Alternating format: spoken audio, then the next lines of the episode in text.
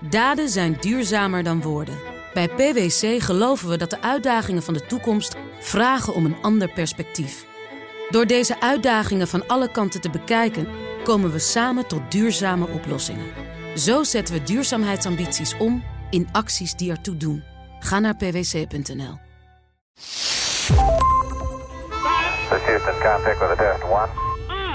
Touchdown confirmed. Welkom allemaal bij Space Cowboys nummer 118. 118. eh, en het is vandaag, we nemen op op 12 april. En dat is een bijzondere datum, want dat is uh, Yuri Gagarin dag. Dus jullie allemaal eh, gefeliciteerd met uh, Yuri Gagarin dag. Dankjewel. En, en jij ook gefeliciteerd, want het is niet alleen heel bijzonder dat we op 12 april eens een Space Cowboys opnemen, maar dan is ook nog een van de Space Cowboys jaren. Jazeker. Michel. Ja, precies. Nou, dat is, het leuke is altijd, 12 april is echt best wel een, nou, voor mij natuurlijk persoonlijk een bijzondere datum, maar, uh, maar een bijzondere ruimtevaartdag. Want het is 12 april 1961 is Yuri Gagarin. Precies tien jaar later uh, kwam ik. En weer precies tien jaar later, weten jullie wat er toen gebeurde? Ja, eerste Space Shuttle. De lancering eerste Space Shuttle. Dus, ja, uh, ik, heb ze, ik, heb ze, alle drie niet meegemaakt, sorry. inderdaad. Ah, ja, ik heb nog wel eens gezocht of 1991 soms ook iets bijzonders was, maar dat heb ik helaas niet kunnen vinden. Dus daar brak het nee, nee precies. Nou, de drie grote momenten in de ruimtevaart die uh, ja. zijn verenigd op 12 april. Precies, nou dankjewel. dat, uh, dus, maar het is ook een leuke dag om een, een, een, een podcast op te nemen. Um, voordat wij beginnen moeten we even één ding rechtzetten. Um, op verzoek van, van onze collega's van vorige week. En uh, mede met dank aan onze altijd scherpe luisteraars. Want daar hebben we het uh, blijkbaar even gehad over Veritas uh, en in, in, rondom Venus. Dat dat een lander was, maar wij we stand corrected. Want dat is inderdaad gewoon een orbiter. Dus daarvoor luisteraars excuses nog. en dan hebben we de huishoudelijke me mededelingen gehad. En kan Precies. ik jullie de vraag stellen. Allereerst, nou ja, met wie doen we het vandaag? Nou, ik ben al geïntroduceerd, dankjewel. Voor de rest doen we het met Luc. Luc yes. van der Belen. Um, en met jou. Met Nick Polstra. Met Nick, ja, met Nick Polstra. Goeiedag. Goeiedag. Uh, fijn dat jullie er alle drie, uh, alle, alle twee bij zijn. Ik ben helemaal in de war, jongens. van deze intro. Kijk, als je, als je een dag ouder wordt. Ja, dat, ja precies.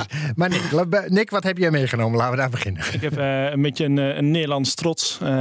Dawn Aerospace, een Nederlands bedrijf hier in Delft. met met ook een groot deel in Nieuw-Zeeland. Maar die hebben een eerste spaceplane, maar raket aangedreven, gelanceerd. En dat is volgens mij uh, een beetje debatable, maar in ieder geval de eerste die in de eerste trap al uh, de, de raket aangedreven is. Oké. Okay. Dus dat, uh, nou, daar ja. ga je straks over vertellen. Ja, zeker. Luc, wat is jouw belangrijkste onderwerp? Um, ja, dan toch wel uh, Revolution Space. Oeh, dat klinkt heel erg uh, spannend. Uh, het is een rapport van 40 pagina's. Wat aan ESA is, is aangeboden. maar daar staan adviezen in die wel heel erg ambitieus zijn. Ja, had jij ook niet iets met SpaceX nog? Want daar komt volgens mij. ja, ook nog ja, nou ja, um, um, ja, ik durf het eigenlijk niet meer te zeggen. maar Starship gaat toch echt bijna vliegen. Ja, nou, ik heb, ik heb wel hoop dat het gebeurt. Nou, wat, wat ik allereerst bij me heb is wat nou ja, wat ook gaat vliegen. Uh, we zitten op 12 april um, vandaag. Op 13 april, misschien is het al gebeurd als je, als je luistert. Maar op 13 april is de lancering van Juice. Uh, misschien moeten we daar gelijk even bij beginnen. Ja, Die, ik wel. Ja, lancering van Juice, dat is de Icy Moons um, orbiter van, uh, van ESA. Um, en die gaat uh, morgen, als het goed is, op een Ariane 5 de lucht in. Dat is sowieso trouwens al vooral vrij bijzonder, want het is de na laatste. Er zit hierna, zag ik nog een telecommunicatiesatelliet.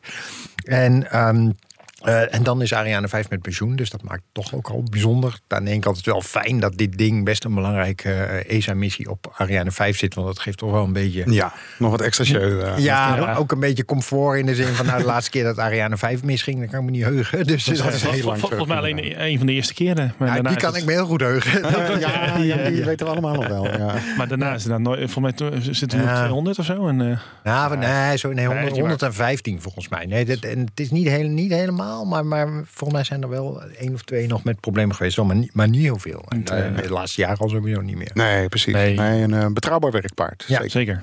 Nee, en nou wilde ik uh, niet, niet de hele, want daar kunnen we volgens mij een hele uitzending over met vullen met Juice. dat wilde ik niet doen. we hebben um, de belofte dat de, de payload manager van Juice, en dat is Alessandro Atzai, dat die een keer bij ons langskomt. dus Gaaf. We hebben het nog sowieso tot, 19, of tot 2031 voordat die aankomt. dus we hebben nog even tijd om hierover te gaan praten. Kunnen we rustig voorbereiden, die uitzending. En hij is nu in, eh, momenteel in Kourou en heeft wel iets anders aan zijn hoofd, zeg maar. Dus, eh, maar hij heeft beloofd dat hij komt. En eh, hoewel zijn naam Italiaans is, eh, is een, eh, zijn taalgebruik Oerlands. Dus dat, eh, dat, Dat geldt ook weer. Ja, hij werkt voor Estec en ehm, eh, is al heel lang betrokken bij dit project. Dus dan kunnen we in meer detail eh, op deze orbiter ingaan. Maar even in de korte samenvatting. Hij gaat naar Jupiter en dan met name naar de, de Uh, en in dit geval drie. Uh, Europa, uh, Callisto en als laatste Ganymedes. En een van de dingen die ik zelf, maar ja, jullie weten, baanmechanica is mijn, mijn achtergrond. het meest spannend vind is dat dit ding voor het eerst in een baan om een planeet wordt gebracht. Dat is niet zo bijzonder. En daarna in een baan om een maan van een andere planeet. En dat hebben we nog niet eerder gedaan. Dus dat wordt Nee, wel een. het eh, waren altijd eh, flybys en eh, foto's van één Ja. kant van de maan. En nu kunnen we hem echt eh, goed in kaart gaan brengen. Ja, dus hij doet een aantal flybys van Europa en van eh, Callisto. En daarna ehm, gaat hij in om een, een baan om, eh om Ganymedes. En dan Ah. moest eerst maar eens mijn eerste vraag eigenlijk... gezien, ja, jullie weten ook, dat zijn de banen waarin... waar het spannend is of we daar misschien leven gaan vinden. Waarom gaat dat ding dan niet in een baan om Europa, zeg maar? Dat zou je verwachten. ja. Uh, maar ik las dat, dat, dat de reden daarvoor is met name de hoge stralingsniveaus. Want Europa zit veel dichterbij. Hmm, uh, Jupiter. ja. En uh, de stralingsniveaus van, uh, van Jupiter zijn daar gewoon, gewoon veel en veel hoger. Ja, Ja. En, daar kan elektronica nooit. Nee, veel precies. Dan heb je een hele korte missie. Dat Ja, is, eh, dus vanwege de levensduur eh, is dat gewoon eh, op dit moment niet echt realistisch. Dus, eh, dus dat zijn een paar flybys. Dus dat wordt heel spannend. Je moet wel geduld hebben, want het, eh, ja, ehm, precies. eh, het is dus 1931 of zo dat die, eh, dat die aankomt. En de reden daarvoor is dat ze weer zo'n enorme pingpong door het, eh, door het zonnestelsel hebben eh, bedacht. En daar zit ook wel weer een bijzondere bij. En dat is dat ze voor het eerst een flyby hebben van het, eh, van het aarde-maan-systeem. Eh, flyby's van de aarde zijn vrij normaal, weet je. Dan pik je wat snelheid, eigenlijk, je jat eigenlijk wat snelheid van de aarde... om in een gunstigere en een snellere maan terecht te komen. Volgens mij doen ze Venus en twee keer aarde, maar één keer ook...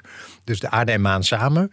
En dat is, wel, dat is ook wel vrij nieuw, want je, dan zit je dus, moet je gaan zitten rekenen in een, in een, vier, eh, in in, in een stelsel met vier, met vier partijen eigenlijk. Je hebt de zon, de Wauw. maan, de aarde en je satelliet. En dan moet je uitrekenen wat het ding precies gaat doen. Dus dat is, eh, dat is wel echt hogere schoolbaan. Dat red je niet meer met een rekenlineaaltje. Nee, Nee, dat is lastig. Nee, dus er zitten wel echt een paar, een paar mooie eh, nou ja, dingen die ik dan persoonlijk heel fascinerend vind. Ja.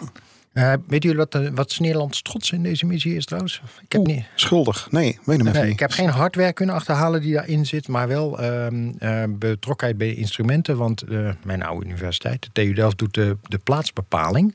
Niet de- onbelangrijk. Niet om, nou, nee, want je, hier zit bijvoorbeeld een, eh, een laserhoogtemeter op. Dus dan meet je de, de hoogte tussen de, nou ja, in feite de hoogte van het ijsoppervlak, om het zo even te zeggen. Maar dan moet je natuurlijk wel weten waar die satelliet is. Want Ja, anders heb je niks aan die meting. Nou ja, Nee, niet, nee. nou ja niet helemaal waar. Maar je moet- Relatief eh, weinig. ja. Nou, mo- mo- moet je lezen, gokken hoe nauwkeurig ze dat kunnen. Ik heb het even nagekeken. Hoe, hoe nauwkeurig denk je dat ze de precieze, de absolute locatie van Juice kunnen bepalen als die bij Jupiter is? En Dat is over een afstand van 400 miljoen kilometer. Enig idee hoe nauwkeurig dat Ik kan? zou eh, van een halve meter al erg onder de indruk Nee, zijn. nee, dat haal je nooit. 400, is 400 miljoen kilometer hier vandaan, hè? Het was eh, wel, eh, hoe heet het, een paar, een paar tientallen meters. 100 meter. Ja, Dat, Is Ja. een paar tientallen meters. Ja, nog steeds onder de indruk. Ja, nee, het, is, nee, nee, ook heel knap hoor. Want als je wat met een normale satelliet zou doen, dan zou je in fracties van millimeters terechtkomen. Nou, Ja. In vergelijking, zeg maar. Hoe nauwkeurig dat je dan moet zijn. En ze doen dat, en dat is zo dat pareltje. Ik heb het wel vaker in deze podcast benoemd. eh, een van die schatten die we hebben in Nederland in, in Drenthe. Bij Astron in, daar zit Jive. Dat, eh, waar ze de, de, hoe heet het, eh, de, die interferometrie kunnen doen met allemaal. de- hoe heet het? ehm, eh, telescopen, of in dit geval dan radioantennes all over de wereld, die aan elkaar plakt, als het ware. Ja. En die, die gebruiken ze hier om, om die hele precieze baanbepaling te doen. En dat is eh, de Nederlandse bijdrage. Dus Kijk, Kijk, gaaf. ik vind dat heel spannend. Dat kan ik me helemaal voorstellen. plus één. Ja, dus morgen, eh, mocht je dit eh, vandaag nog luisteren, morgen, voor- ik meen om kwart over twee uit mijn hoofd, eh, Zoiets. dat eh, de lancering uiteraard weer, weer live te volgen is. En eh, nou ja, als Alessandro een beetje terug is in Nederland en even tijd van ons heeft, dan eh, Ja, precies. gaan we graag wat dieper in op de, op de missie.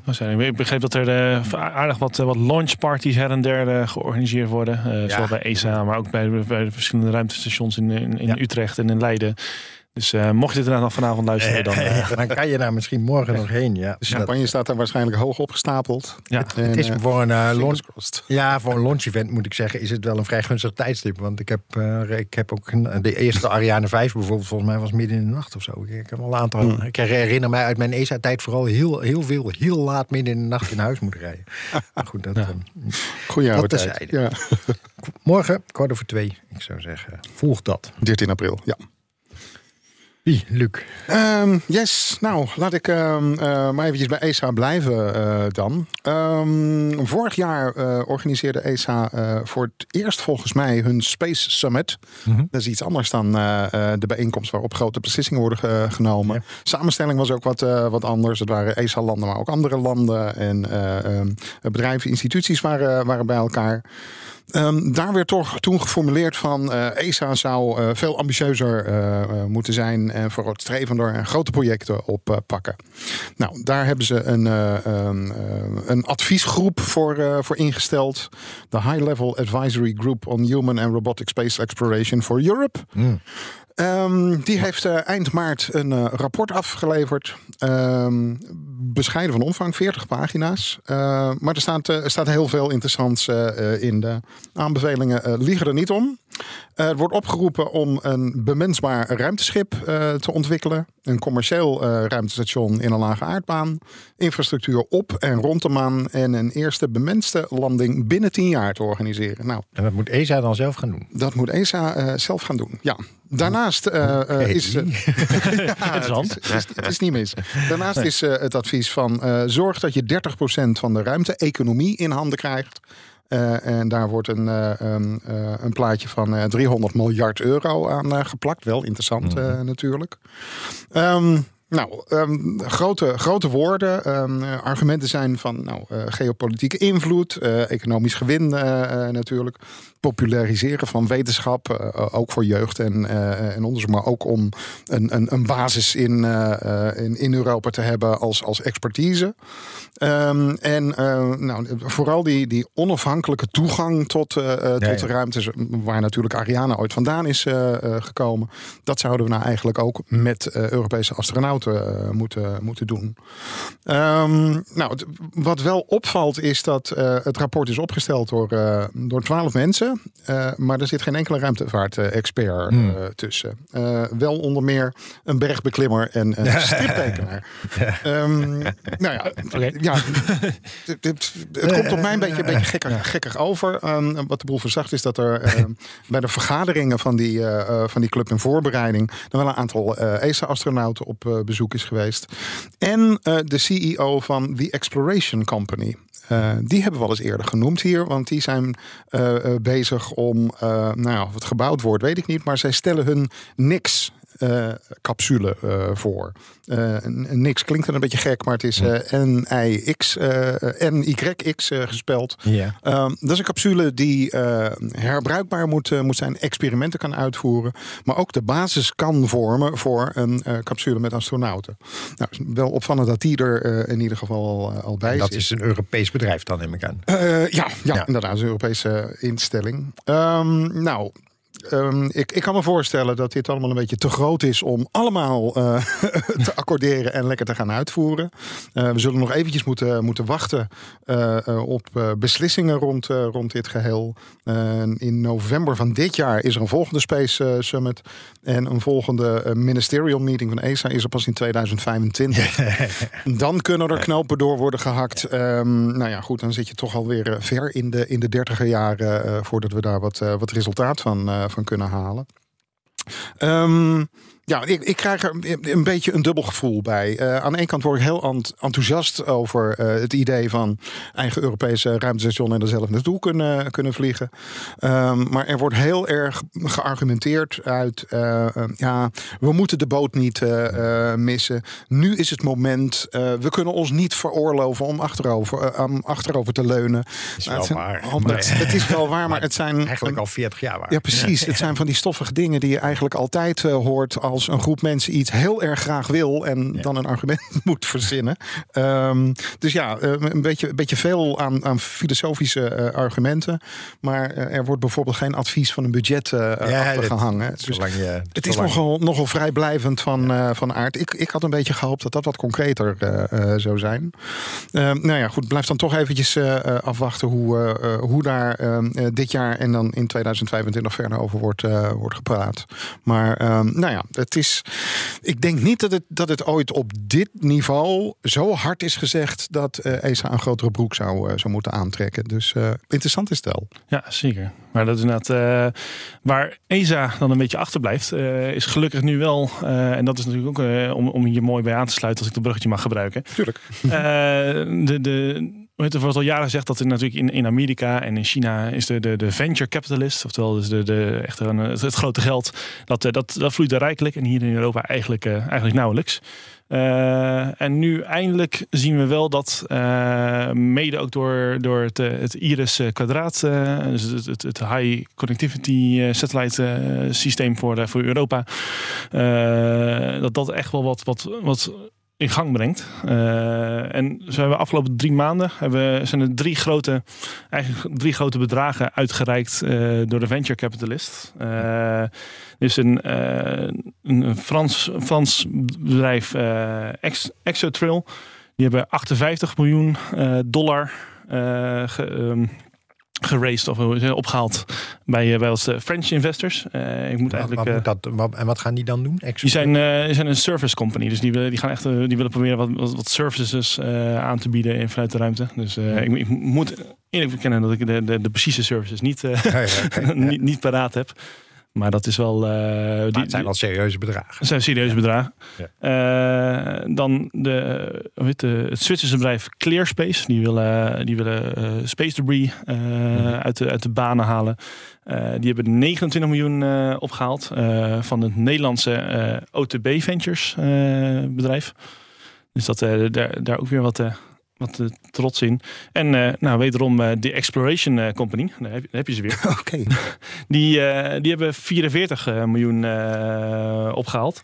Voor, eh, om, om eh, reusable spaceplanes eh, eh, ja. te, te ontwikkelen. Oh, dat is een nieuwe vorm. Oké, nog meer spaceplanes. Ja. Prima. Ja. Ah, daar heb je iets meer voor nodig, denk ik. Maar daar, het is een goed begin. Dat, eh, nou, dat, en daar, heb ik, daar sluit ik dan, als, je, als dit je overzichtje was, zeg maar, weer, weer op aan vanuit Amerika. Want wat hier natuurlijk altijd, ja, het draait altijd om geld. Weet je, zo, je kunt prachtig van dit soort plannen hebben. Maar de eerste vraag die je moet stellen is: ja, wie gaat het dan betalen?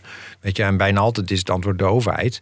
Maar je ziet wel dat ze in Amerika hebben ze intussen natuurlijk wel de koers omgegooid. In Ja. de zin van ja, wij van de overheid zijn wel, kunnen je launch kosten maar zijn. Maar je moet een product leveren waar, waarmee je andere klanten kan trekken. Want anders beginnen we er niet aan. En dat is wel de grote stap die ze bij NASA natuurlijk gemaakt hebben met SpaceX.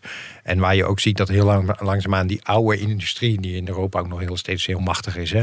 Maar in Amerika die oude industrie echt allemaal wel aan het draaien is in dat, in Ja. dat proces. Om, om daar op een andere manier mee te gaan werken. En de laatste, misschien nou, de- Misschien is het wel de laatste, weet ik eigenlijk niet. Maar de, de, de echte grote moloch in Amerika is natuurlijk Lockheed Martin. En die zijn nu ook om. Die hebben een, eh, eh, recent eh, deze week een, aangekondigd dat ze met Crescent Space, dus een apart bedrijf eigenlijk, willen ze, willen ze services op de maan gaan bieden. En dan heb je het over navigatie en telecom netwerken, zeg maar, die ze dan launching customer, de, de overheid, maar uiteindelijk die dan allerlei klanten die op de maan daar zit ook nog enige wensdenken, want die zijn natuurlijk niet. Maar als er in de, toekomst, in de toekomst gaan komen, dat ze die dan met navigatie en met communicatie kunnen bedienen.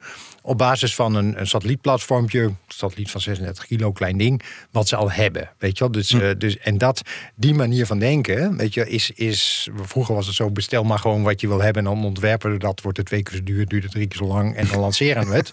Eh, die, in, in Amerika zijn ze wel om. En, en ik denk dat het grote probleem is dat we in Europa zijn we eigenlijk nog niet om. En, en dat begint wel heel langzaamaan een probleem te worden. Want ja, ze gaan daar wel veel harder. Ja. En dan word ik niet heel blij van zo'n zo'n ding. Want dan denk ik, ja, dat zo'n rapport. Dan denk ik, ja, die was, Ja. dat is al sinds 1961. Dan gaat Ja. het op die manier. Ja. Maar het is allemaal bedelen om overheidsgeld. Ja. En daar gaan we er niet meer komen. Nee, nee dus dat is echt wel. Uh, maar wordt, wordt het druk om de maan. Want het is inderdaad. Uh, ja. weet, misschien dat de mensen die het wekelijks of twee weken onze, onze podcast luisteren. Ik heb natuurlijk een paar weken geleden gehad over dat, dat ESA. Die heeft ook een grote tender uitgeschreven. Inderdaad, om als enker customer wel te dienen. Maar ook om daar weer de private partijen op te roepen. Om met services en, en ideeën te komen. Wat ze rondom de maan kunnen deployen. En vervolgens, waar ESA dan als enker customer dient. Maar vervolgens mogen die, die services wel weer doorverkopen weer naar andere partijen. Ja. Dus uh, ik, ik zie hier ook wel de, dat, dat we langzaam in Europa ook wel die slag, uh, slag aan het maken zijn. Maar ja. het is dan ja. wel... Uh... Nee, dat klopt. Je, er is wel beweging. Maar je, ja, in, in die zin lopen we ook als je kijkt naar raketten en zo. Ariane 6 en zo loop je, loop je toch wel een beetje achter op... ja. Ja, het is eigenlijk, dacht, dacht ik daar kort geleden pas, uh, pas aan, dat uh, uh, wat Europa doet eigenlijk heel erg lijkt op wat Japan doet. Japan heeft ook al veel ervaring met astronauten in, in de ruimte, hebben een onderdeel voor, ja. een flink onderdeel voor Space Station ja. geleverd, hebben een eigen rakettenindustrie, maar geen eigen ruimteschip. En uh, ook hun nieuwste raket, die nou ook nog wat problemen uh, heeft, is eigenlijk ook gewoon een conventionele uh, raket. Ja. Alleen maar een gemoderne, modernere versie van ja. het werkpaard wat ze daarvoor hadden. Maar ze zijn heel conservatief. Dus... Ja, goedkoper gemaakt, maar dat is wat er altijd gebeurde. Ja. Wel heel langzaam aan het, de, kilo, de kost per kilogram omlaag brengen. Maar ja, die is aan de andere kant van de oceaan natuurlijk echt heftig ge geïnnoveerd door SpaceX. Nogal, ja. ja. En, iedereen loopt er achteraan. zelfs als je, als je naar China kijkt, nou goed, nou zijn die altijd goed geweest in kopiëren. Ja, ja, ja. Maar uh, ja, alles wat die van plan zijn voor de toekomst uh, is eigenlijk gebaseerd op, uh, op het herbruikbare model van, van SpaceX. Alleen Europa en Japan ja, lijken, lijken nog niet erg overtuigd te zijn daarin. Nee, maar dan moet je wel een ander financieringsmodel gaan verzinnen uiteindelijk. Ja, dat, dat is de echte grote uitdaging. En ja, daar zitten natuurlijk ook de echte grote belangen. En dat is best lastig. Maar als ik jou begrijp, Nick, dan zit er wel beweging in. Er zit zeker beweging in. En, en ik, ik weet, we krijgen ook steeds meer weet, de, de Europese Commissie en ESA, ja. die, die vroeger meiden die echt de, wat de, de, de, de space conferenties en de, en de, en de tech, of een tech in het algemeen. En ook nu zie je zelfs ook echt, en, en dan hebben we het ook echt over de, de, de senior advisors, dus echt de, de, hoog, ja. de hoge mensen in de boom, die schijnen steeds vaker op dat soort conferenties. Dus die hebben ook wel door wat er allemaal wat meer speelt. Ja. En we zien ook dat, uh, ook meer een Amerikaans voorbeeld, dat uh, er ook steeds meer lange termijn contracten worden uitgereikt aan start-ups. Dus, uh, waar, waar, vroeger echt Airbus en Thales als, als de twee grote grootmachten hier in Europa alle contracten kregen. Omdat zij, ja, er, er was ja. niemand anders volgens het... nou, eenmaal de ervaring. Ja, ze hebben nou eenmaal de ervaring. Maar dat en, was met Boeing en Lockheed Martin in Amerika natuurlijk ook zo. Dat is precies zo. En, en daar, weet, in Amerika zag je het al, dat, dat steeds meer uh, bedrijven, echt gewoon start-ups, die kregen de lange termijn contracten. En dat begin je nu ook gelukkig hier wel, uh, hier wel te zien. Nou, het was uh, Jozef Aschbacher, ESA-directeur, heeft zich ook al een beetje uitgelaten over dat rapport wat ik uh, net noemde. En uh, ja, de, er zijn steeds meer opmerkingen om uh, um, een van de ESA-ankerpunten, de, de fair return, mm -hmm. toch langzaam los te ja. gaan laten. Fair return betekent dat een land investeert X in de ruimtevaart en ze krijgen X terug aan contracten voor hun industrie. Nou, dat is natuurlijk best leuk, maar een klein land die een bepaalde industrie nou eenmaal niet heeft, ja, komt dan nooit echt aan, aan, aan de ja. bak. Dus ja, wat mij betreft zou het ook een, een, een goede zijn om dat, uh, uh, dat eens los te laten. Of in ieder geval wel aan te passen. Zodat je ja, wat slagvaardiger wordt. En wat, ja. wat makkelijker contracten kan, kan uitdelen. Ja, maar daar zit natuurlijk ook de discussie met de Europese, Europese Unie. Weet je, want die doen ook aan ruimtevaart. Maar die hebben die regel niet. Hè? En er zijn dus voor sommige landen is het veel aantrekkelijker om het via ESA te doen. Want we stoppen er veel in en krijg je veel terug. Weet je, en voor sommige landen, vooral zuinige landen, zoals Nederland.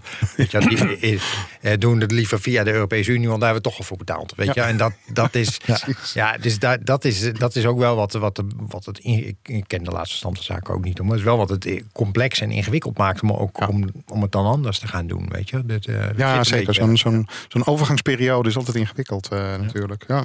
Hey, zullen wij, uh, zullen we eens even, uh, als we toch aan de overkant van de plas even aantikten, SpaceX. Uh, hoe, hoe staat het in, in Zuid, was het nou, Zuid Texas? Het is gisteren of eergisteren tweeten Eh, Elon Musk, ehm, ja, eigenlijk is eh, Starship nummer 24 en booster nummer 7 klaar voor de start. Ja. Enige wat nog. eh, Dan hebben we het even voor de, voor de mensen die er niet heel scherp in zitten over de eerste orbitale vlucht van Starship. Ja, precies. Nou ja, of het orbitaal genoemd mag worden, is ook nog weer een stukje discussie. Eh, want hij gaat niet een volledige omloop om de Ah, aarde doen. Ehm, mij is nu ook niet helemaal duidelijk. Eh, of de, eh, de re-entry van Starship echt representatief gaat, eh, gaat zijn. Ja. Want ik zie in.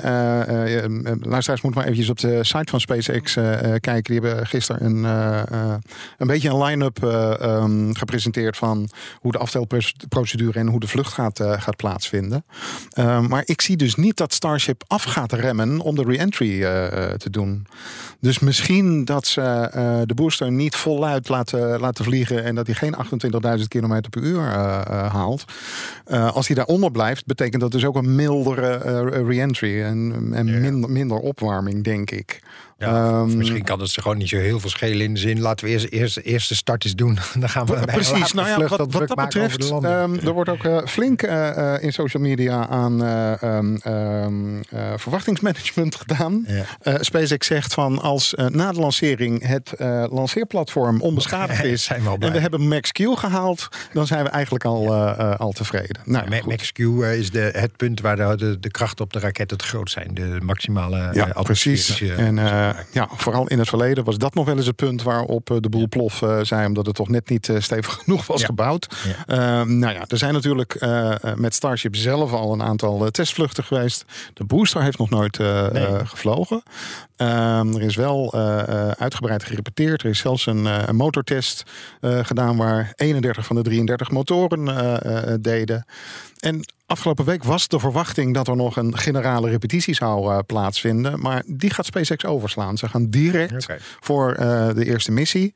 Eh, ik heb dan zoiets van, nou, dan zal het wel poging 2 of 3 worden waarbij het zal slagen. Als inderdaad de toestemming van de Amerikaanse luchtvaartdienst komt, die moet nog binnenkomen. Dat is eigenlijk een van de laatste hobbels die nog genomen moet, moet worden. Zegt, zegt Musk. Zegt Musk Ja, inderdaad. ja, Ja, ja. Nou, Ja, en, en dan was de verwachting derde week april? Of, was Ehm, nou dat ja, of ehm, dat dan weer geschoven? 17 april eh, eh, is, is, is eh, gepubliceerd. 20 april, daar wordt overal rekening mee, mee gehouden. Eh, dus ja, het, het, het nadert nu wel enorm. Ja. Het gekke beeld van vanochtend, 12 april, was wel dat Starship van de raket werd afgehaald. Oh, omdat het systeem wat de boel kan opblazen, mocht de zaak uit koers raken, Ja. dat moet geactiveerd worden. oh. En daar kunnen ze niet zo makkelijk bij. Dus ze moeten het, het hele, hele ding onttakelen. Een paar knopjes omhalen en weer terugzetten. Ja. Ik zou zeggen van nou, eh, we schroeven even een extra armpje aan die grote toren. Want dit, dit is een hele onhandige manier eh, van, eh, van doen natuurlijk. Misschien niet zo goed over nagedacht tijdens de Nee, nou ja, goed. Het is, ehm, eh, kijk, er, er is natuurlijk heel veel in de ontwikkeling van, van deze systemen. Waarvan Musk heeft gezegd van, Ja, komt later wel, komt later wel. Wat dat betreft deed hij ook nog wel een opmerkelijke uitspraak. Het uiteindelijke model van Starship zal waarschijnlijk eh, een meter of tien langer worden. En er worden in de staart dan nog drie Raptor Vacuum eh, motoren toegevoegd. Oh. Eh, nou, meer moet ook niet worden, want dan zit de boel eh, echt wel, eh, eh, wel vol. Maar goed, dan hebben we dus wel een raket van 130 meter. Ja. Ehm, ja, dat hebben we eh, toch lang niet, eh, lang niet En meegemaakt. dat, dat is dan, neem ik aan, omdat je bepaalde snelheid eh, delta V naar Mars nodig hebt. Ik, kan me niet anders voorstellen ja. dan dat dit op Mars is, Ja, eh, eh, is geënt. En ehm, nou ja, goed. In het verleden werd er ook nog wel eens eh, gezegd van ja, ook aerodynamisch moet er nog eh, wat aan Starship worden eh, gesleuteld. Ja, dat Eh, die, ook wel, die flappen, flappen aan de voorkant, eh, die, die moeten hoger komen, komen zitten. Alhoewel ik daar helemaal niets meer over, eh, over hoor. Maar ehm, nou ja. Als, als het allemaal gaat, eh, gaat lukken, het ding wordt gelanceerd en overleeft inderdaad de eerste paar minuten, dan moet het in totaal een vlucht van, van anderhalf uur worden. Ehm, de eerste trap wordt na ruim 2,5 minuten afgestoten. Zal dan inderdaad de bekende manoeuvre terug naar de lanceerplaats gaan, gaan maken. Maar Dat is ook ja. nog nooit eerder gedaan. Eh, nee, niet met een raket van deze. Eh, nou, ze zijn wel voorzichtig. Ehm, En, eh, en nou moet die, die Starship voor de goede orde, na de, na de separatie, zeg maar, moet die Starship in, in gewichtloosheid zeggen, ontsteken. En dat hebben ze ook nog niet eerder Nee. gedaan. Dat Nee, de laatste, de laatste afleveringen regelmatig al gezien dat tweede trappen best wel vaak Ja. een probleem zijn. Ja, inderdaad. Om- omdat je dat soort dingen niet kunt testen. nee, precies. Dus, het is maar de vraag of ja. dat gaat. Er, er kan heel veel misgaan. Ja, anders ja, was- het ook niet leuk. Nee, Dat, nee, nee, precies. Maar nou goed, eh, er wordt conservatief eh, eh, ingezet. Zoals gezegd, de booster gaat wel terugvliegen. Maar houden ze lekker een eind uit de kust van, van Texas.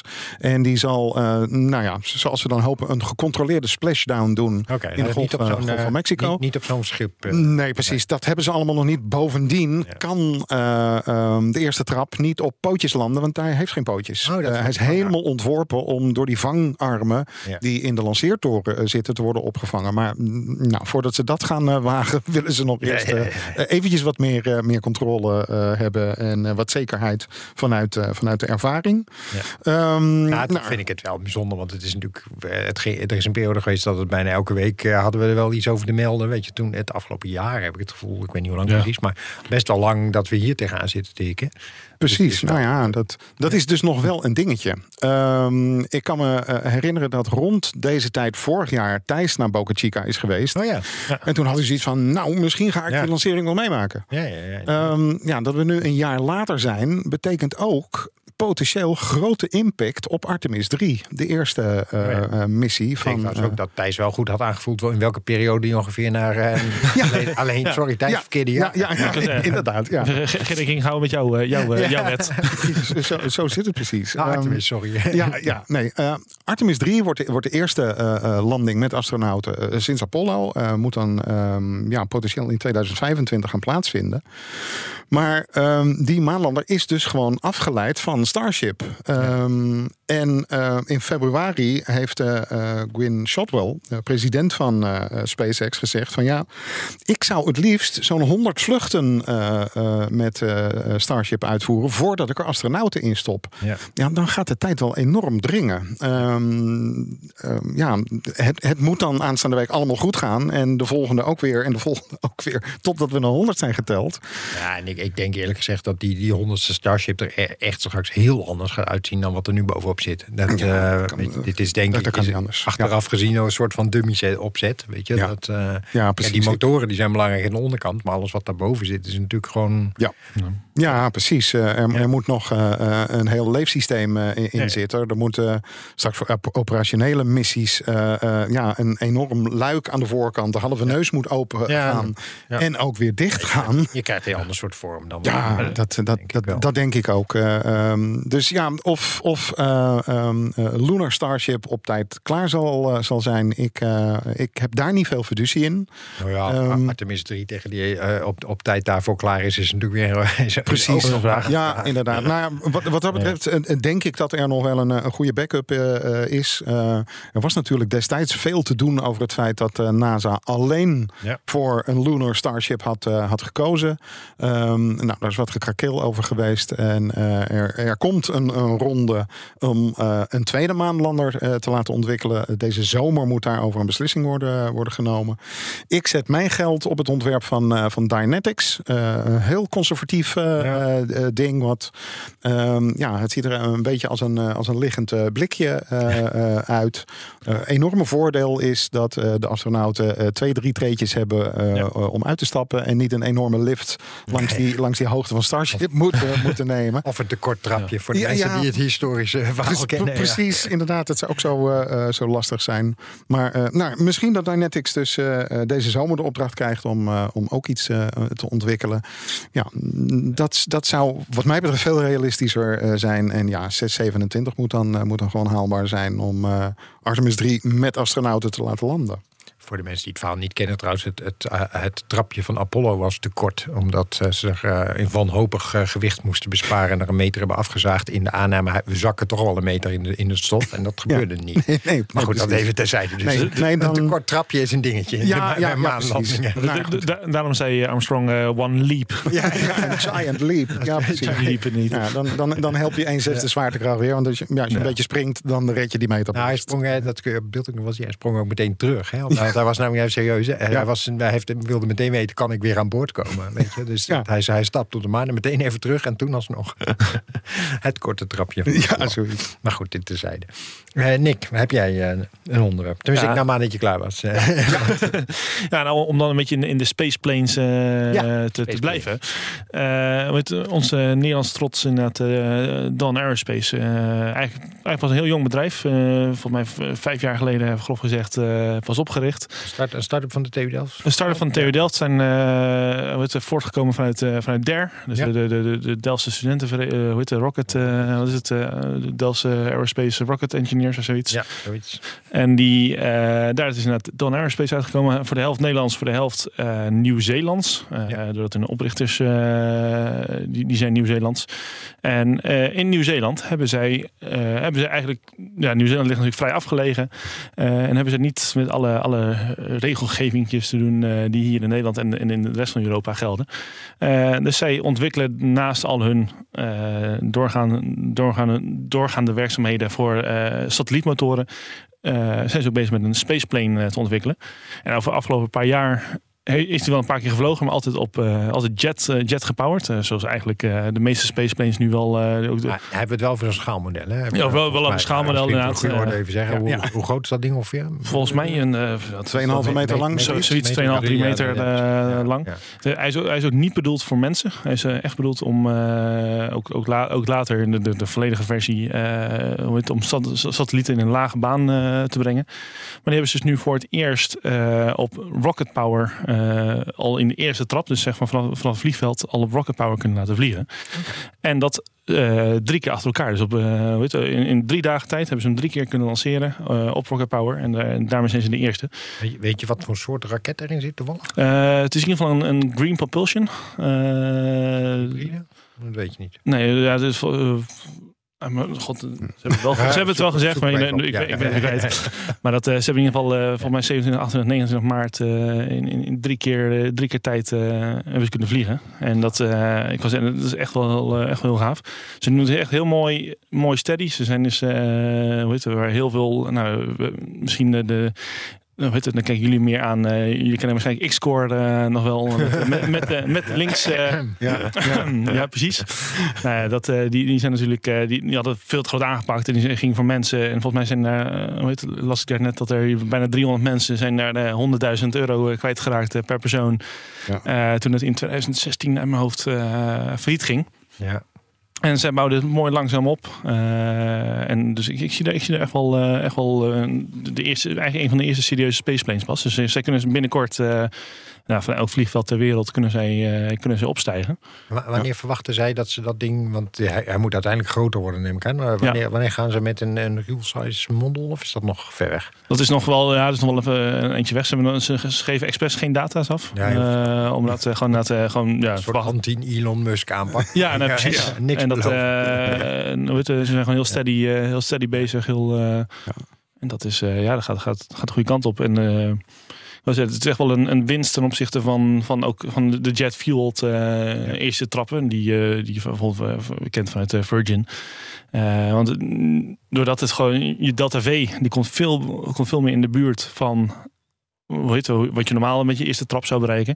Maar doordat het dus eigenlijk reusable is en vanaf elk vliegveld haal je veel betere efficiëntie. Want je kan bijna 97% 97% van je massa kan je gewoon weer hergebruiken. Nou, ze, zij hebben het er echt over dat ze eh, eh, het in de ruimte brengen van satellieten eh, via het model van de luchtvaart willen doen. Zo makkelijk moet het worden, zo frequent ook. Ze hebben het echt over meerdere, meerdere vluchten per dag. Van hetzelfde, hetzelfde toestel. Dat is dan inderdaad wel een ding wat fors groter is dan, dan het huidige ding. Maar inderdaad, het is, ze hebben gewoon een goede business case. Ze verdienen goed geld met het, het leveren van standregeling motoren voor satellieten. En eh, ja, stapje bij beetje en eh, kijken hoe, eh, hoe snel we kunnen. Dus eh, De scepticus in mij zegt dan, ja, dat zijn we in 1980 over de Space Shuttle ook. Maar goed, dat... eh, ja, ja.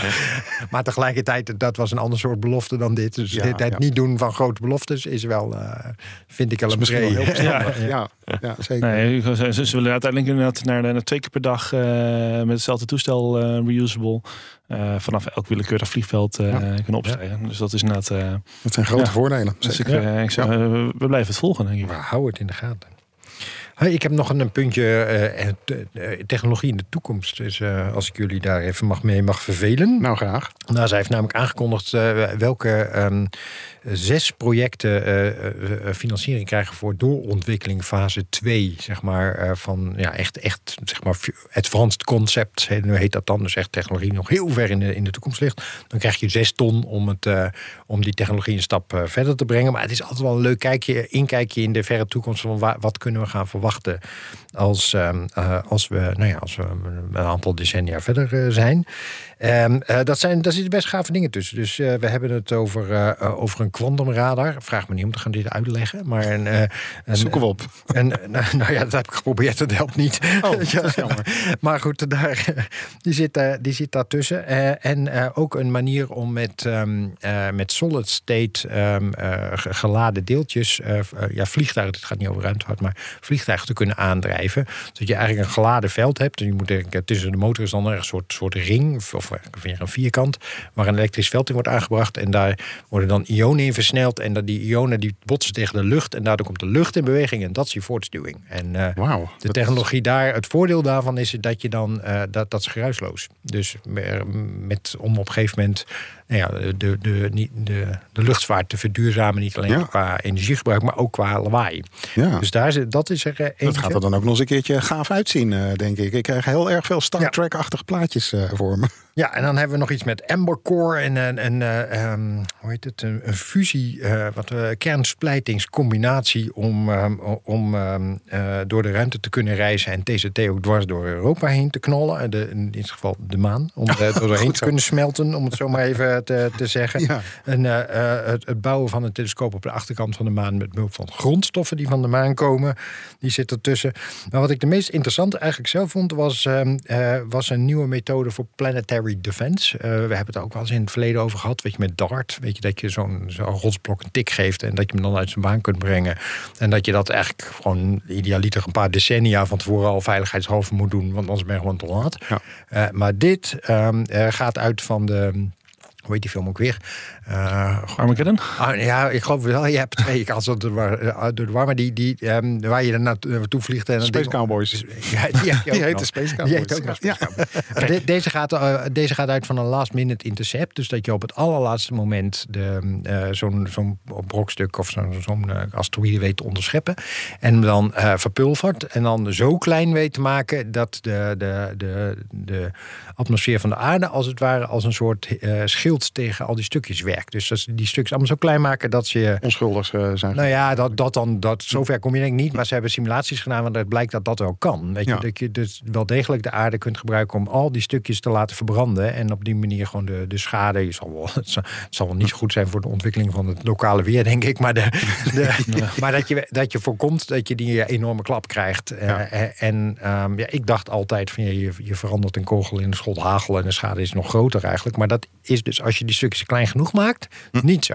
Dus hier, zij zijn bezig met de ontwikkeling van nou ja, echt een soort van last minute planetary defense. Ik vond het wel hoopgevend, want ik dacht altijd dat kan niet. Ja. Eh, en of we die dingen Ja, nou op tijd ontdekken om eh, te kunnen tegenhouden is de vraag. Maar eh, deze, deze studie suggereert tot, mom- tot op dit punt dat het wel kan. Nou, dat is toch een hoopgevende Zeker weten. hoopgevende. En als er trouwens de laatste ging, eh, gaat over eh, eh, bacteriën gebruiken om eh, eh, in de ruimte, dus op de maan of op Mars, eh, eh, ge- gericht eh, gepersonaliseerde medicijnen te kunnen maken om, voor astronauten die ziek zijn. Nou ja, weet je, het is. Ja. Gaan we dit voor, eh, volgend jaar meemaken? Nee.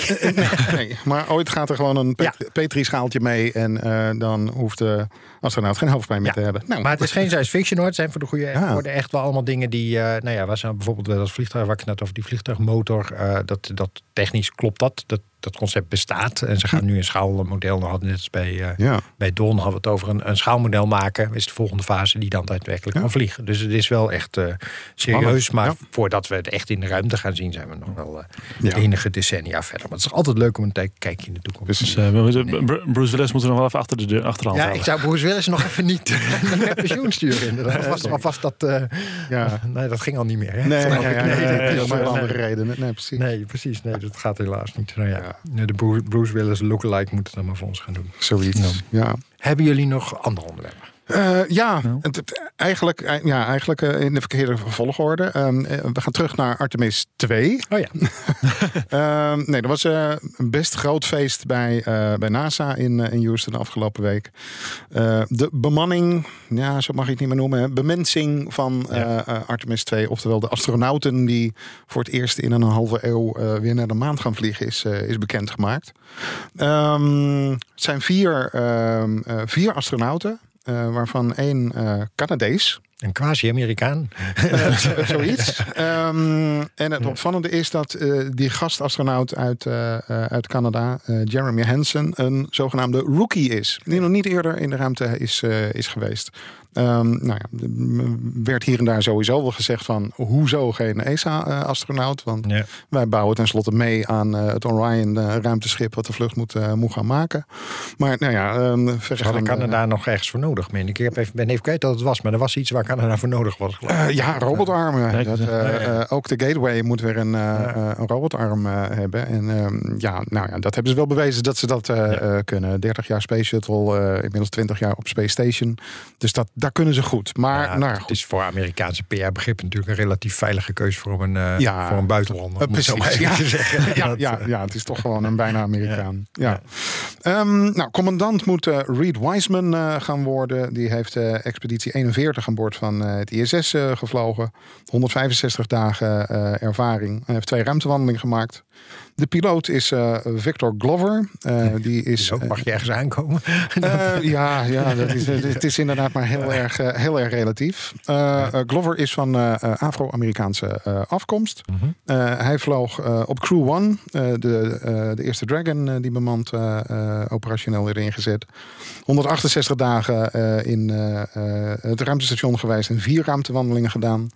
En eh, dan de twee missiespecialisten, waarvan de ene Canadees, de ander is eh NASA-astronaut Christina Hammack-Cook.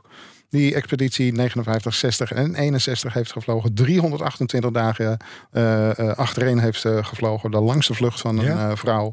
En zij deed ook mee in de eerste all-female ruimtewandeling. In de, in de top 5 van, ah, van überhaupt langs vluchten. denk. Zeker, Ja, zeker weten. eh, ja, ja. inderdaad.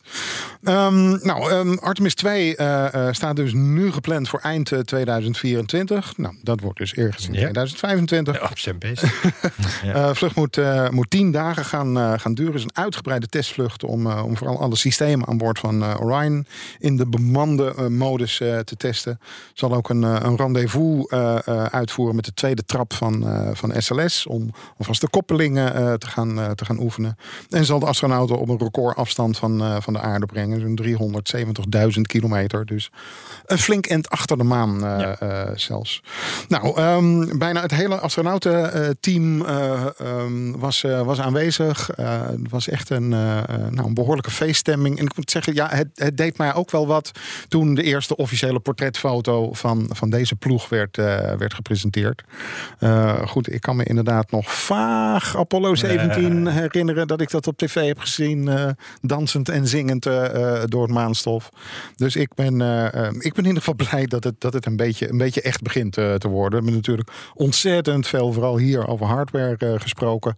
Nu komen echt de mensen in, in de vergelijking terug. En dat, ja, dat maakt het toch allemaal wat spannender en wat realistischer, wat mij betreft. Ja, ik, ik moet zeggen, ik vond het eigenlijk vooral een beetje sneu.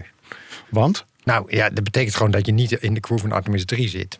Nee, Ja, dat, Ja. ja, Je, dat- je, je- je wordt een beetje Michael Collins. eh, Ja, de, altijd vergeten ja, eh, astronaut. die Nee, denkt van, nou, ja. over, over 50 jaar gaan we het echt niet meer hebben over deze mensen. Nee. Weet je, dat, dus in die zin is het, je, je bent in de vlucht te vroeg. Ja, weet, je, ja, weet, jij, weet jij wie er op, wat was het, op, Apollo 10 zat? Weet je? Dat, Eh, eh, ja, Stafford, Stafford Young en, eh, eh, en nog eentje. nou, Ja. respect. Ja. Dat jij de enige bent. Ik weet het ook niet. Maar goed, het, eh, het is ver voor mijn tijd. Maar dat, Nee, maar dat is, het heeft iets dubbels. Weet je, ja, Ja. het is Ja. flauw natuurlijk. Maar, de, maar eh, het lijkt mij heel onwaarschijnlijk dat als je in deze crew zit, dat je dan ook in de crew van Artemis 13 eh, of Artemis 3 zit. Nee, nee, Ja, er zijn echt heel veel vertraging, maar dit is gewoon politiek over het algemeen gewoon not done. Weet je, er zijn altijd weer nieuwe mensen. Eh, dat, ja. Ja. dat zijn de wetten van de ruimtevaart. Ja, eh, precies. en als er dan no- nog zes landingen komen, en dan heb je wel een kans, weet je, dat je ergens in, in Artemis 9 nog een keer komt. Ja. Maar Ja. de historie leert ook een beetje dat, maar de vraag is of, of, of dat na Artemis 3 überhaupt nog gaat gebeuren. Weet je. Ja, Dus zeker. Nou ja, wat dat betreft, eh, eh, ja, was er op afgelopen maanden ook best wat paniekvoetbal. eh, onder andere van eh, eh, eh, de directeur die ehm, geruchten opving van ja, misschien wordt het NASA-budget wel met 20% eh, gekort. Ja. ja, dan kan je dus een, een structureel Artemis-programma gewoon eh, eh, vergeten. Ja. Eh, dan komt er geen maanbasis en dat soort zaken. Nee, dat, dat- eh, dat is krijg je niet gefinancierd. eh, Nee, dat is het probleem. Weet je. De, de financiering daaronder is op dit moment gewoon nog shaky. Wat ook een beetje het, het eh, nadeel van het Amerikaanse model is dat je elk jaar weer naar het congres moet voor, je, voor je financiering. Ja. Weet je, ja, en, en dat eh, meestal is als de na de eerste paar keer is de lol af in de politiek. Weet je, Ja. en dan, eh, ja, dan gaat vrouwen, eh, dan hoef je maar Mars te roepen en dan is je budget weg. Ja. ja dus Ja. ik. Nou ja, dat, we, we zullen het zien, maar, maar de geschiedenis. eh, eh, nee. ja, ze stemt Ja. misschien niet verschrikkelijk optimistisch. eh, Maar dat zover zijn we nog lang niet. Nee, nee, nee. Eerst inderdaad. nog twee, eerst nog drie, zijn we nog jaren Ja, nog mee. ja, Dan ja, zien we ja. het allemaal weer. Precies. En dit is wel weer een mooie, mooie diverse crew. eh, Ja. van alle, Nee, dat is, Ja, dat zeker. is- Nou ja, dat, ja, dat moest ook wel natuurlijk. maar zijn we, Ja. moet, je, moet, je moet tegenwoordig wel. Maar inderdaad, Nou, ze- kijk, ik, ik durf er echt mijn, eh, eh, eh, mijn hoofd onder te verwedden dat de eerstvolgende mens op de maan een, een zwarte vrouw is. ja, Dat, dat kan niet anders. Zal zeker een vrouw Dat, zijn. eh, ja. ja, Nee, iemand, dat, ja. dat, Ja. dat, dat moet, het, eh, moet het worden. En nou ja, goed, er worden al eh, inderdaad wel naampjes in het rond geslingerd. Ja. Af en toe ineens wat eh, uitgebreider in de PR zijn. Ja, dat, wordt- dat, wordt, dat gemasseerd. Je moet jezelf ook een beetje in de pitch houden. hè. Zo is het. Ja. Oké, nou, we wachten dat ook maar weer gewoon af. Nick, heb jij nog wat? Ja, nou, het is, eh, als we weer even terug, eh, teruggaan naar, naar de aarde. Eh, het is een Ja. eh, beetje een soort van het- ertussen. Het, het, het wordt, wordt flink druk eh erboven. Eh, op dit moment zitten we ongeveer op, eh, op 6500 eh, actieve satellieten. Mhm. Eh, de helft van SpaceX. ongeveer de helft van, van SpaceX is. Nou, en, en dan hebben we nog niet eens over alle, alle, hoe het, alle raketlichamen die, er- die er überhaupt nog zweven van, van vroeger. Ehm, maar ze verwachten dat voor het einde van, van dit decennium, dus eh, 2030, dat, dat het aantal satellieten al ergens tussen de 60.000 en de 150.000 eh, zelfs zit. Een beetje afhankelijk hoe, hoe snel ontwikkelingen gaan her en der. Ehm, en dat wil je, het, zeker in de huidige tijd met, eh, met de politieke spanningen, wil je toch een beetje weten eh, wat er boven je vliegt, van wie het is en, en, en wat, wat, eh, wat het zo al uitspookt. Dus er is nu een, een, een groot bedrijf, dan ben ik even de naam kwijt, Slingshot Aerospace. Oh ja. Die, eh, die hebben ongeveer, op dit moment hebben ze slechts 20, eh, of nou slechts, eh 20, si- eh, 20 locaties over de hele wereld. eh, voornamelijk in de noor- noordelijke, noordelijke halfrond. Waarbij ze met verschillende sensoren satellieten tracken en klassificeren. En dat willen ze nog binnen, binnen, deze, binnen dit decennium, dus voor 30 uitbreiden naar in totaal 80 locaties. Waarbij voornamelijk ook een focus echt op het zuidelijke halfrond moet gaan plaatsvinden.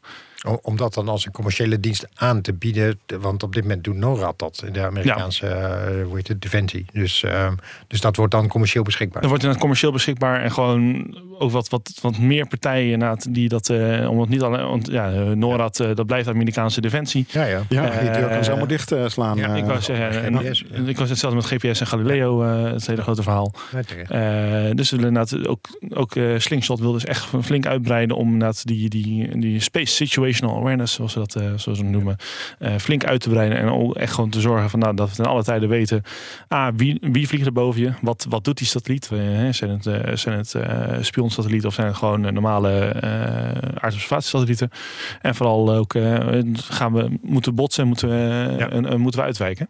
Ja. Dus dat, dat is een ja, grote een grote aankondiging eh komende tijd dat ze flink willen, flink willen. En ik denk ook wel dat eh ja, Space Situational Awareness wordt nog redelijk onderschat. Ja, ja. Eh, het, het, is, het is echt hier in, in- hier in Nederland bijvoorbeeld is er slechts een, volgens mij wat ik de laatste hoorde, slechts een miljoen euro voor beschikbaar om überhaupt wat onderzoek naar te doen.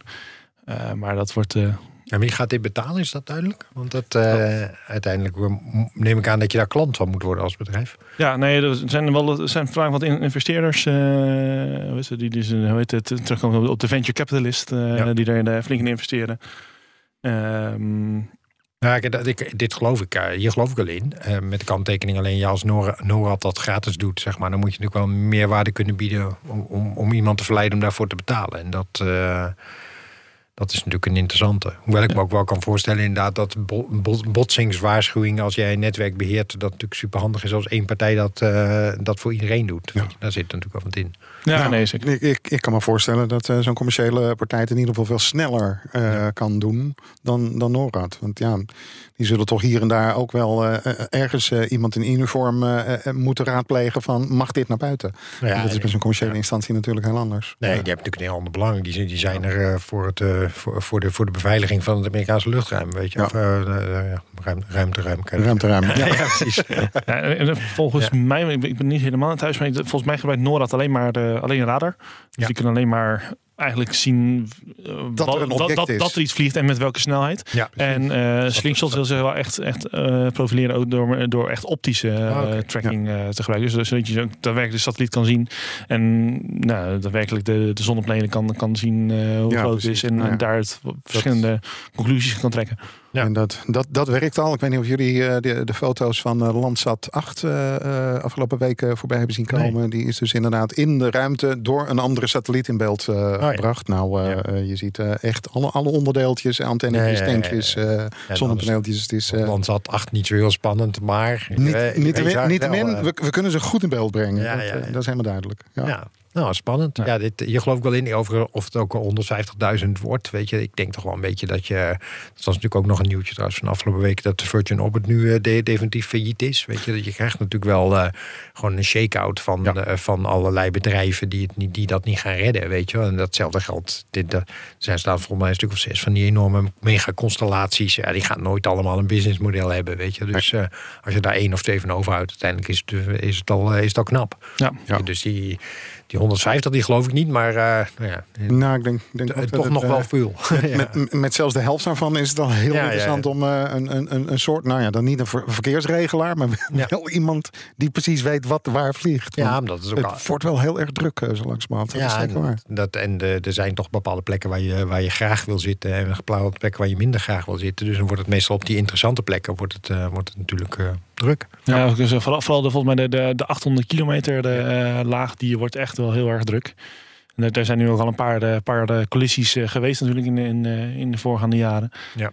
Dus dat is wel echt... eh, Ja, je hebt een paar van die, van die mega populaire banen, weet je. En dat is de geostationaire natuurlijk, waar alle communicatiesatellieten staan. Maar je hebt ook wat heet de, de zonsynchrone baan. Ja. Weet je, die, eh, ik weet, die zit volgens mij rond de 800 als ik het goed heb. Ja, dat is, Die, eh, ver- ver- verschilt per de, het, het verschilt met, met de hoogte welke, welke, welke Ja. inclinatie die precies zit. Maar inderdaad, eh, die, die zit, het is eigenlijk altijd een polaire baan rondom de, wat is het, tussen de 92 en de 97 graden. Eh, En waar die het grote voordeel heeft dat die, dat die door de, nou ja, de precieze vorm van de aarde en, en meedraait als het ware met de, met de baan, de- met de beweging van de zon. Dat is moeilijk uit te leggen maar in, in woorden.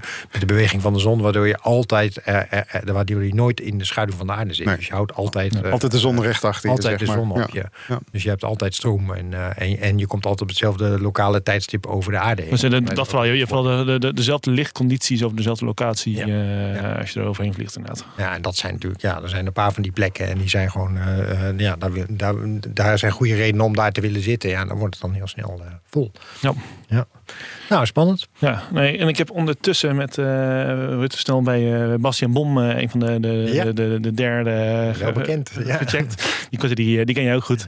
Ja. Weet ze hebben gevlogen met een, met een, met een, met een raketmotor. Zo, even, de vraag was welke, welke motor, wel- welk, wat voor motor gebruiken ze? Een raketmotor op waterstofperoxide en, en kerosine.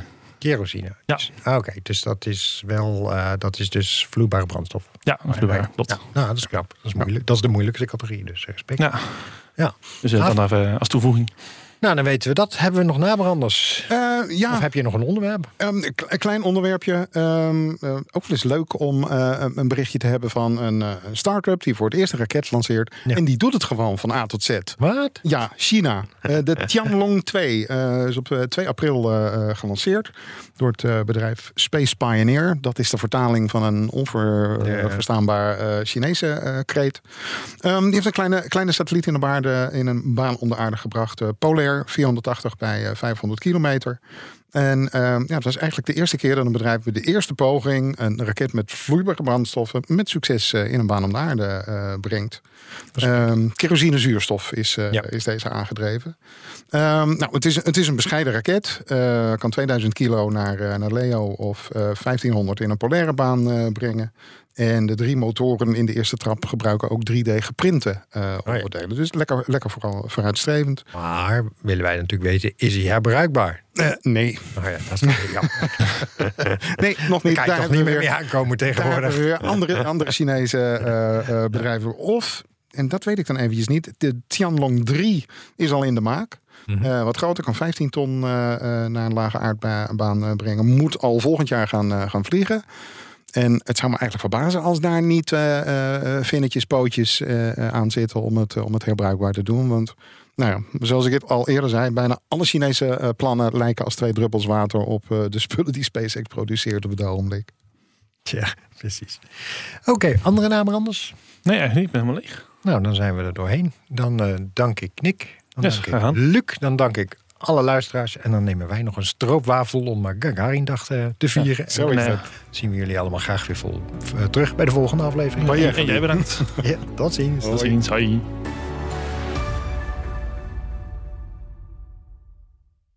Daden zijn duurzamer dan woorden.